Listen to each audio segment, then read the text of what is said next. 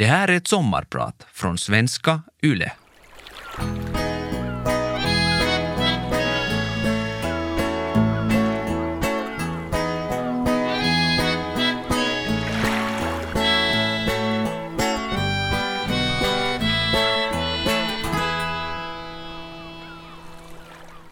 Vi sprang så fort vi kunde.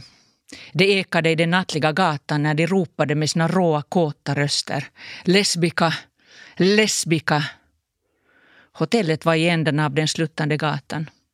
Medan jag sprang försökte jag få tag i nyckeln som låg nederst i fickan. Andfådd och livrädd klarade jag av att öppna låset till grinden som fanns strax utanför vår hotelldörr. I samma sekund som jag lyckades stänga grinden bakom oss trängde unga män sina händer in genom grindens galler som var som en öppen dragspelsdörr. Medan vi desperat öppnade hotelldörren bakom grinden kunde vi känna händer och fingrar överallt. De unga männen pressade våra bröst, våra händer, axlar och försökte tränga in mellan benen på oss med sina starka och hungriga händer.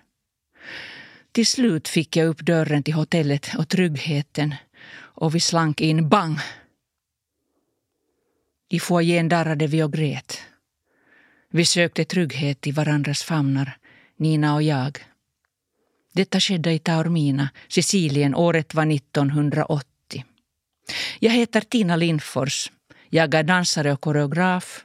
Och jag var en av de första i Finland som var öppet lesbisk. Jag är din sommarpratare idag. Men om jag tittar ännu längre bakåt i tiden. Hur visste jag att jag var lesbisk, homosexuell?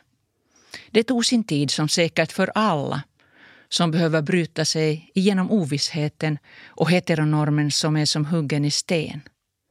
Jag sällskapade med pojkar i min ungdom, som alla andra flickor jag kände. Pojkar var söta och villiga, och det var jag med. Jag gillade att gå hand i hand. Jag gillade att visa mina vackra pojkvänner på veckoslutsfesterna. Men sen ack, det mörka rummet.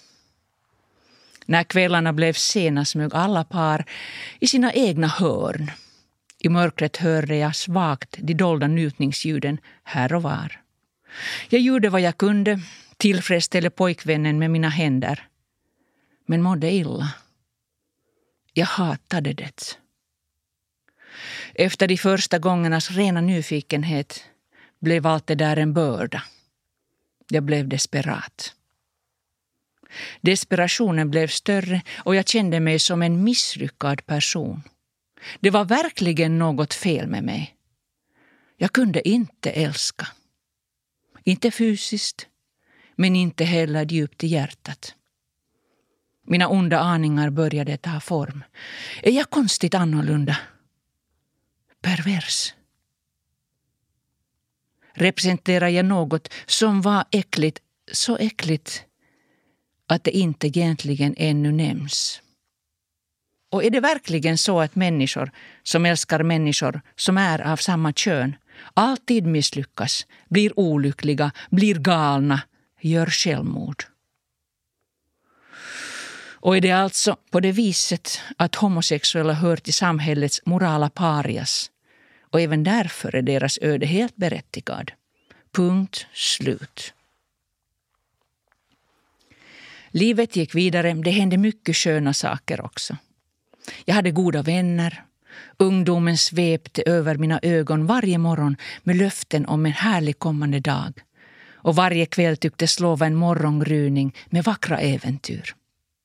Jag spelade fotboll då, när damfotbollsligan startade och blev självklart förtjust i en och annan ung dam där. Jag cyklade flitigt och hade en av mina kortvariga pojkvänner som sällskap under cykelfärderna. Då visste jag inte att han skulle bli den sista. Jag tränade ballett i Margareta von Bars skola och var vän och plågsamt förälskad i skolans stjärna. Sen blev det jazzdans med en ödesmättad revolution i mitt liv. Igen blev jag förtrollad av en karismatisk ung dam. Vi var på väg hem från dansfestivalen Kuopio Tanssia Soi Året var 1976. Jag var 18 år gammal. Det blågråa tågets hjul dunkade mot järnvägsrälsen. Tåget vajade sin egen rytm. Det var prat och det var flört. Hon var så modig. I solglimtar mellan träden lyste hennes grönbruna ögon som blixtrar rakt in i mitt hjärta. Vi skulle gå och köpa någonting. Eller skulle vi? Mellan två tågkupéer stod vi nära varandra. Jag kunde känna hennes doft. Kvinnohud, honung och mörkt träd och kände mig yr, nästan färdig att svimma. Hon tog ett steg närmare. Hennes bomullsskjorta rörde vid min hand som det finaste av siden. Och sen... Hon kysste mig. Taket ovanpå öppnades och jag slängdes någonstans mellan alla stjärnor, solar och himlakroppar. Och på den skimrande banan är jag fortfarande.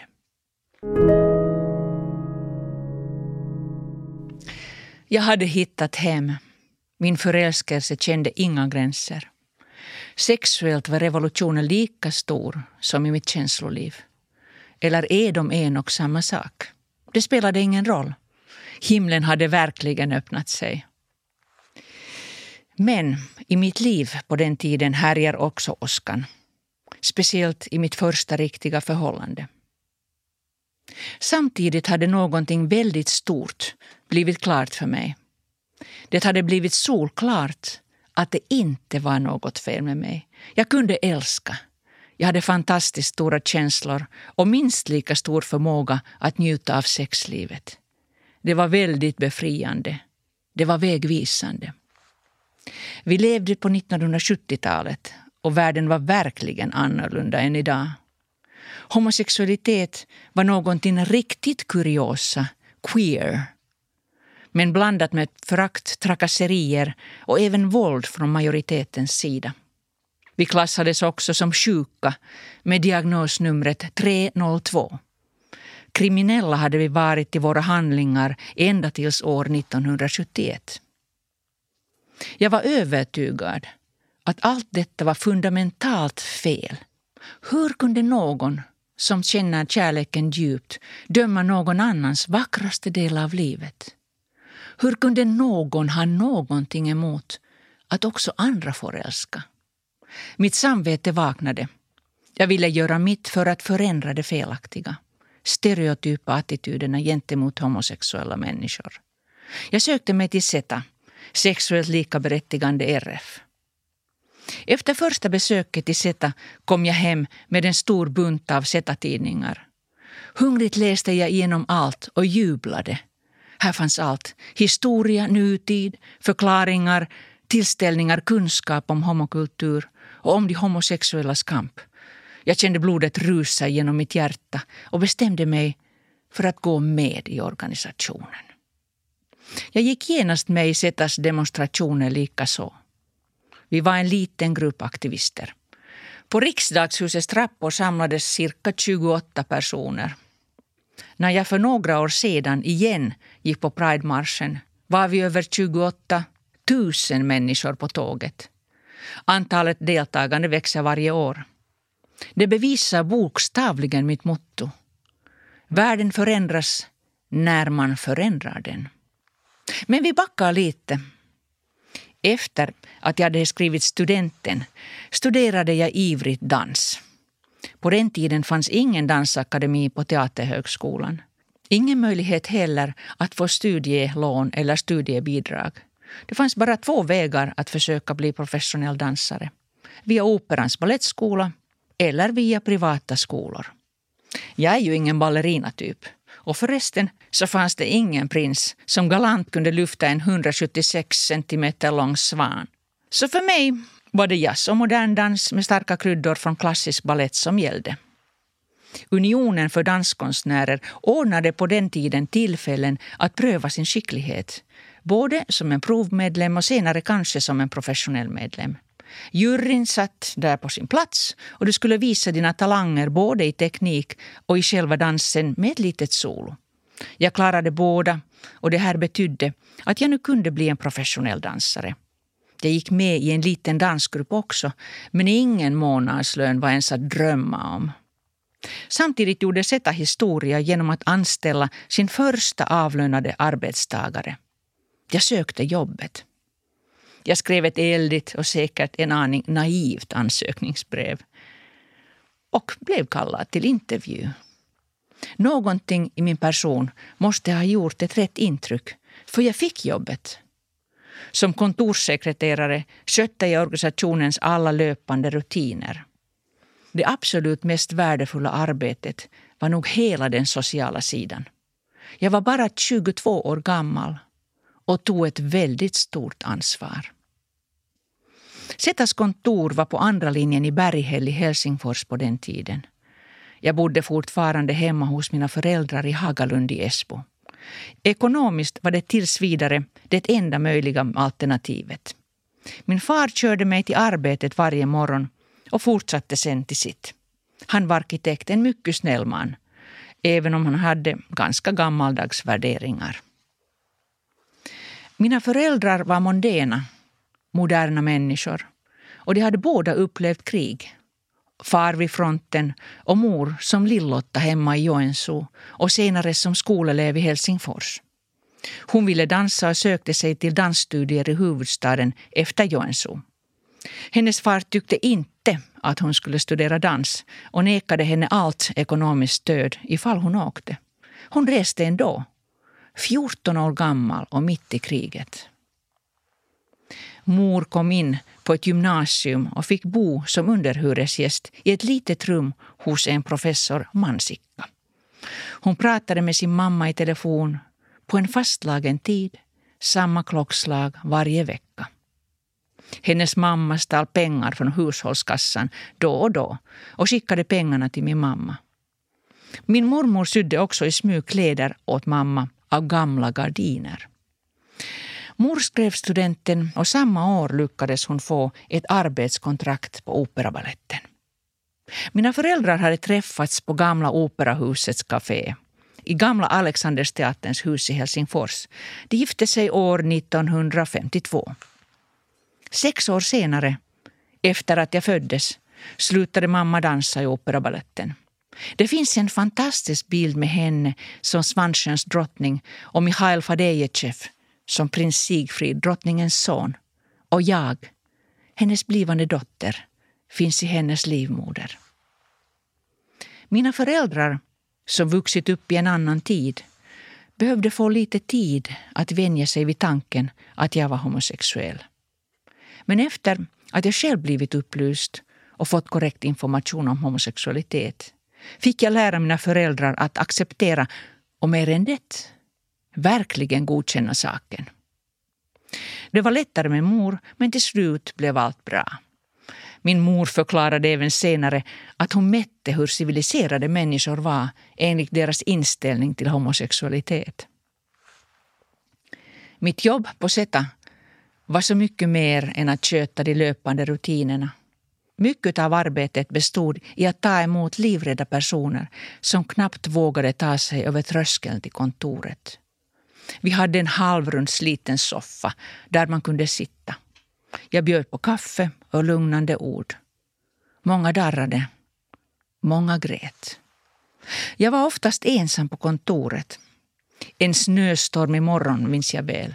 Dörrklockan ringde. Jag brukade för säkerhets skull alltid titta över väggen av papp och genom fönstret för att kolla om något såg konstigt eller farligt ut innan jag öppnade. En mörk jättelik man ringde och ringde på vår dörrklocka. Jag öppnade, han vajade in, täckt av snö och tystlåten. En timme senare hade vi fått fram kataloger för damkläder och glatt valde vi de plagg som vi trodde skulle klä honom, henne bäst. Sällan var jag direkt rädd, även om det kom många hotelser via telefon. Det kom också oändligt många onanisamtal av gubbar och jag tror jag fått mer sperma i örat än någon annan i Finland. Lyckligtvis var telefonledningarna däremellan mig och den som ringde. Jag brukade nog säga ganska snabbt att ring tillbaka när du har gjort det. Bara ordet sex i sexuellt likaberättigande var upphetsande för många. För att inte prata om lesbiskt. Porrtidningar hade skapat en bild av oss som provokatörer som bara vill upphetsa män. Hur fel allting kunde vara. Och fel är det fortfarande idag, alldeles för ofta, runt om i världen. Här måste jag nämna också det fantastiska samtalet jag fick ta emot år 1981. De ringde från Medicinalstyrelsen och berättade att de hade slopat diagnosen 302. Sällan hittar man rätt ord i rätt ögonblick. Men jag svarade och grattade dem för att de aldrig tidigare hade botat så många människor på en gång. Ändå var de riktigt svåra tiderna precis bakom hörnet. Aids bröt ut och nästan raserade allt det arbete vi redan hade fått till stånd. I mitt personliga liv var det ganska turbulent. Det var många farväl inom bara fem år. Jag hade träffat Nina, som var en ängel och dansade som en ung gudinna. Ändå hände det mycket. Många ville ha mig. Öppet lesbiska, men också många gifta kvinnor. Det blev korta förhållanden vid sidan av min kärlek till Nina. Hon led, jag led. Men jag kunde inte motstå flammade passioner, hur fel det än var. Eller var det fel? På något märkligt vis ville jag visa de så kallade heterodamerna hur överlägset sex med en annan kvinna kan vara. De blev övertygade. Och det började bli trångt på den fronten. Å andra sidan hade jag en barnslig tanke att när jag hade förlorat min ungdom på felaktigt heterospel så borde jag ta tillbaka alla förlorade erfarenheter. Tänk vad löjligt. En förlorad ungdom. Jag var ju 17 när jag blev förälskad i smyg, men klart förälskad. Och 18 när kärleken för första gången fick sin uppfyllelse. Det blev många smärtsamma farväl även i Zeta. Vi kände unga män som dog i aids. Man började kalla sjukdomen för homopesten. Attityderna hårdnade gentemot homosexualitet och det försvårade alla våra försök att påverka samhället. Dörrarna stängdes, även helt konkret. Vi fick säga farväl även till vår guldgruva. Det var Studio 302 på Lönnrotsgatan. Idag finns ett hotell i det gamla stenslottet men den stora festsalen känner jag fortfarande igen. Där ordnades Helsingfors hetaste discokvällar dit alla ville komma. Homon, lesbiska, transvestiter, transsexuella, bisexuella och heteron. Olli som ansvarade för diskot fick bära iväg pengar i stora kassar. Pengarna var till stor nytta och användes för att betala all den aktivitet som Zeta ordnade. Men efter att aids kom fick vi inte längre ha Studio 302. Företaget Dipoli slängde ut oss och många ville slänga homon i fängelset eller skicka iväg oss till någon öde ö långt borta. Det blev som en ny istid för oss. Tarja Halonen som var ordförande för Zetas styrelse när jag jobbade där lämnade så småningom över posten till Raimo Nordfors. Vi började kalla varandra isä ja äiti, alltså hela Zetas mor och far. Jag minns hur det kom bombhot till kontoret. Jag kunde inte gå dit då och vi fortfarande ganska få aktivister fick söka trygghet hos varandra. Gusche tack och lov att det bara var stenar som söndrade kontorets stora fönster. Det hände många gånger. Inte roligt det heller.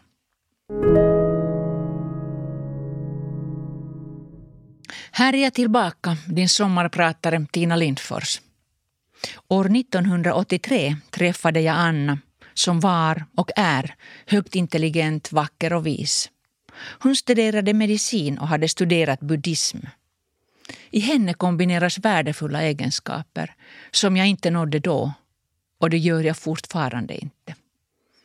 När jag idag vet mer om buddhismen kan jag känna igen en vacker altruism, osjälviskhet, det egna egots mindre betydelse och en frihet som följer detta högre tänkande. Man kan inte kalla henne för buddhist, Men fina spår av den filosofin finns i hennes karaktär. Något skimmer av spiritualism lyser runt henne även om hon också är ytterst praktisk. Samma år jag träffade Anna gjorde jag min första koreografi till bildkonstnären Auli Korhonens installation. Då hände det. Jag förstod att det inte fanns någon återvändo. Danskonsten hade valt mig. Det, och bara det, skulle bli mitt öde, att vara koreograf och dansare. Jag sade upp mig från Zeta och började arbeta med egna verk, oftast då i samband med Auli Korhonens konst. Vi gästspelade även i Stockholm på Kulturhuset Kegelbanan med vårt verk Aje. Mottagandet var fint. Både SvD och DN skrev fina recensioner. Då blev det trångt i salongen. Även danslegenden Birgit Kullberg kom och satt snällt på trapporna när allt var utsålt. Arbetstakten var mycket mänsklig, men det var knappt med pengar. Så jag fick jobba även som danspedagog. Dansskolan hette Arkus och var verksam på Kulturhuset i Helsingfors. Där gjorde jag mig skyldig till min första och enda stöld. Anna och jag hade skaffat en liten segelbåt. Liten som en tvålskål, men ändå med en kajuta att sova i. Anna hade födelsedag och jag hade inga pengar. Båten behövde en skumsläckare och sådana hängde på källarväggarna i Kulturhuset. Jag gjorde varsamma förberedelser och med dunkande hjärta tog jag en skumsläckare och gömde den i min stora väska.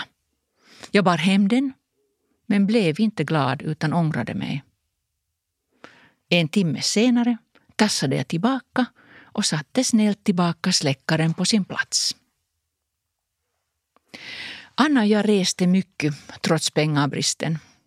Oftast var resmålen i Asien, bland annat Thailand, Bali och Kina dit vi åkte med det transsibiriska tåget. Det var fantastiska upplevelser i den förfinade asiatiska estetiken som vi båda älskar.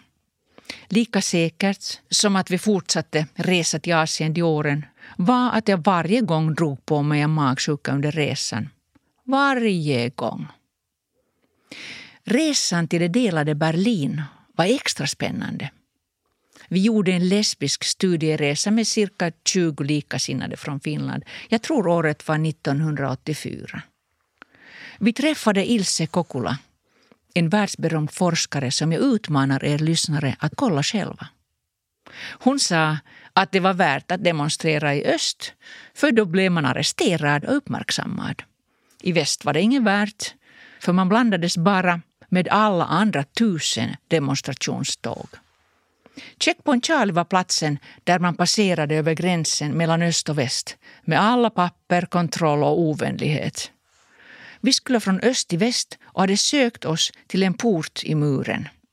Tullgubbarna granskade oss. De tömde även tandkrämstuben. Men till sist visade det sig att vi var vid fel port. I panik rusade vi hit och dit men hittade till sist vägen tillbaka till Västberlin.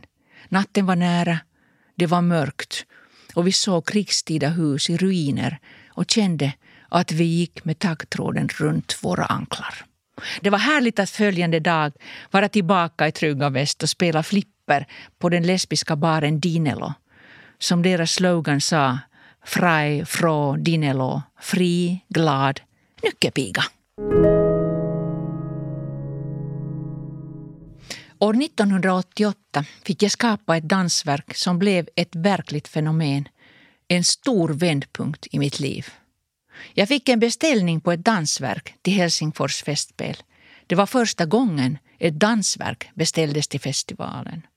Jag skapade verket Olennainen som berättade om två kvinnors kärlek, hur de hittar varandra, hur de berättar för sina föräldrar, hur samhället och kyrkan trycker ner dem tills de hittar kraften och vägen till befrielse. I en av verkets nyckelscener slinker vi ner från taket längs rep. När vi landar på marken river vi loss alla svarta dansmattor tillsammans med de andra dansarna och vänder dem upp och ner så att undersidan, som är vit, kommer uppåt. I slutet häller kvinnorna som blivit befriade renande vatten på varandra. Olennainen gjorde mig till Finlands första hela folkets lesbo. Alla tidningar skrev om verket och om mig. Också damtidningar och kvällstidningar. Jag deltog i många diskussionsprogram och fick även dansa i olika tv-studion. Vi turnerade med verket i Finland, Sverige och Danmark. Det filmades också och sändes på juldagen i finländsk tv. Jag gjorde Olennainen tillsammans med dansare från Åbo. Bland annat Eva Soini och Lassi Sairela som tillsammans med mig senare grundade Dansteater Eri år 1989. Jag hade lyckats göra mitt liv mera komplicerat igen. Eva och jag dansade tillsammans och nu blev vi också ett kärlekspar. Eva var och är en fantastisk dansare, en speciell och stark människa med en väldigt fascinerande personlighet. Idag är hon min trogna vän, vän i kärlek som bara kan växa mellan människor som bygger något stort tillsammans. För oss blev det Dansteater Eri.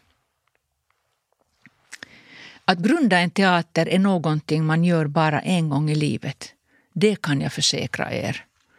Vi unga människor visste inte vart vi satt våra huvuden. Men vi var inte rädda. Vi litade på varandra och på oss själva. I början uppträdde vi i olika källare, tomma butikslokaler, i kyrkor. Ett par år efter att vi grundat vår dansteater hittade Eva en ursmutsig lokal som hade varit ett glasblåseri.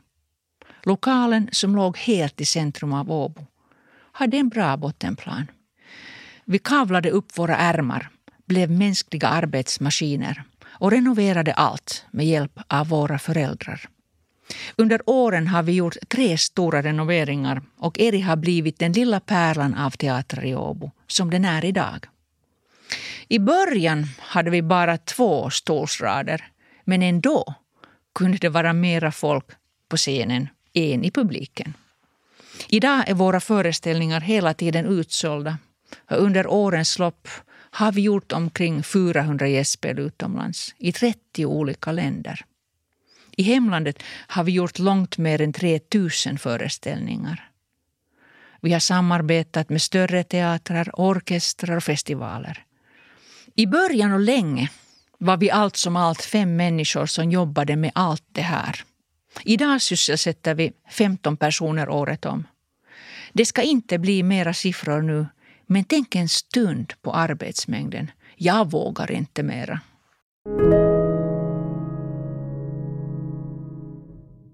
Dansen är ett kraftfullt verktyg.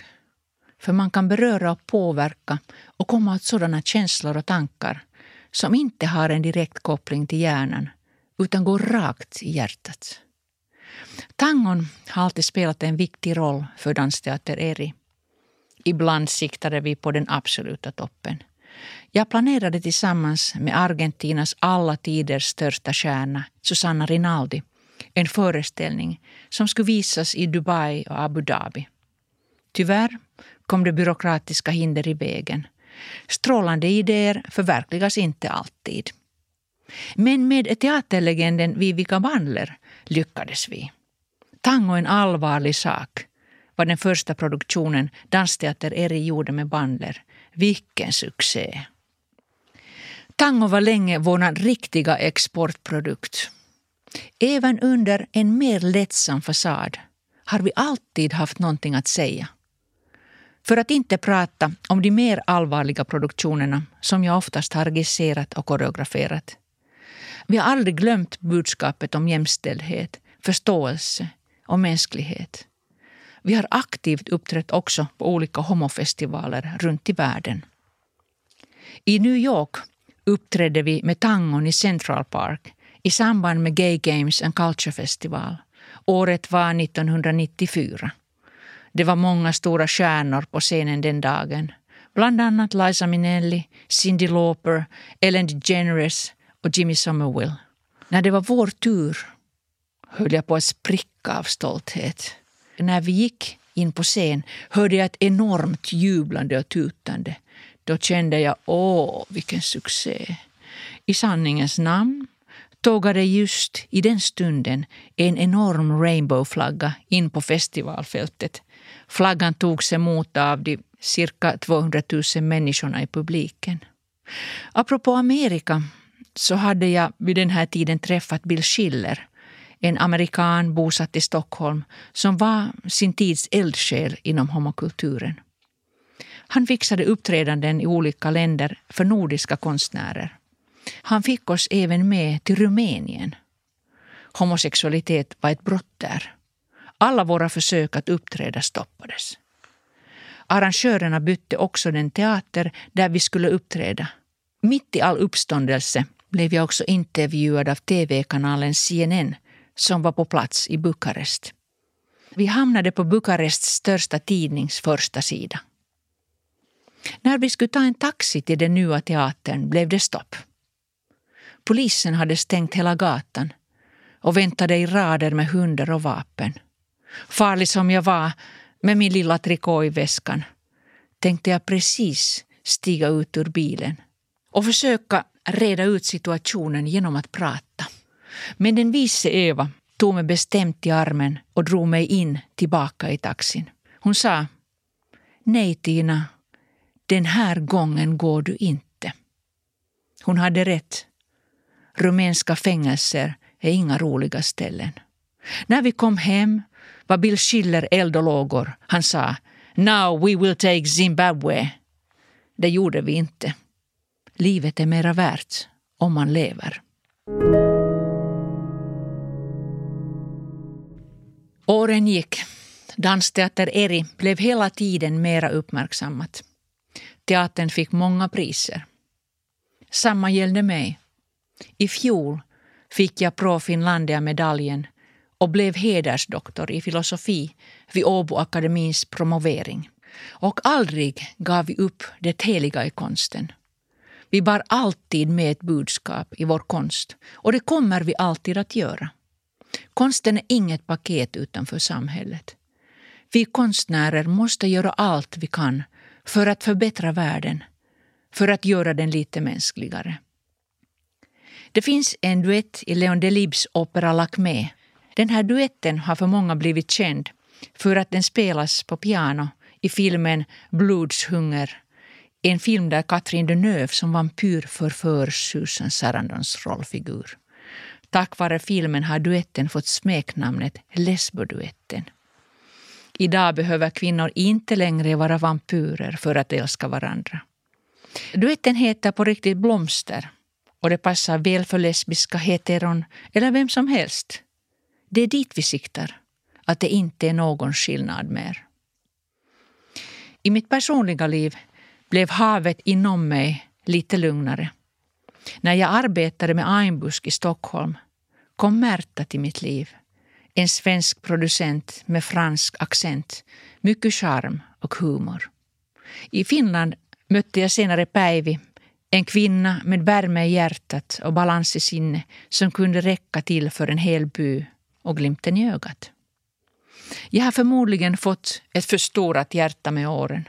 Alltid byggs det nya rum dit det kommer nya invånare.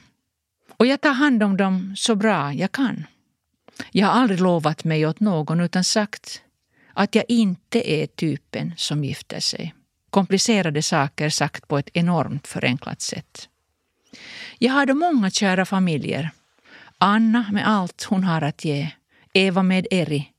Märta med hennes barn och barnbarn. Päivi med hennes fyra barn. Jag satt en gång ner och funderade grundligt och sa åt Anna. Det är otroligt att så många helt fantastiska kvinnor har kommit till mitt liv och älskat mig och fortfarande älskar. Alla på sina egna sätt. Att jag har kunnat få allt detta. Anna svarade Tina, har du någonsin tänkt att du själv har något med saken att göra? Det är något av det vackraste jag någonsin fått höra. Jag är Tina Lindfors. Jag har varit din sommarpratare idag och jag tackar varmt för att du har lyssnat. Du har lyssnat på Vegas sommarpratare med Tina Lindfors. Redaktör Marcus Floman. Vegas sommarpratare görs av Parad Media för Svenska Yle.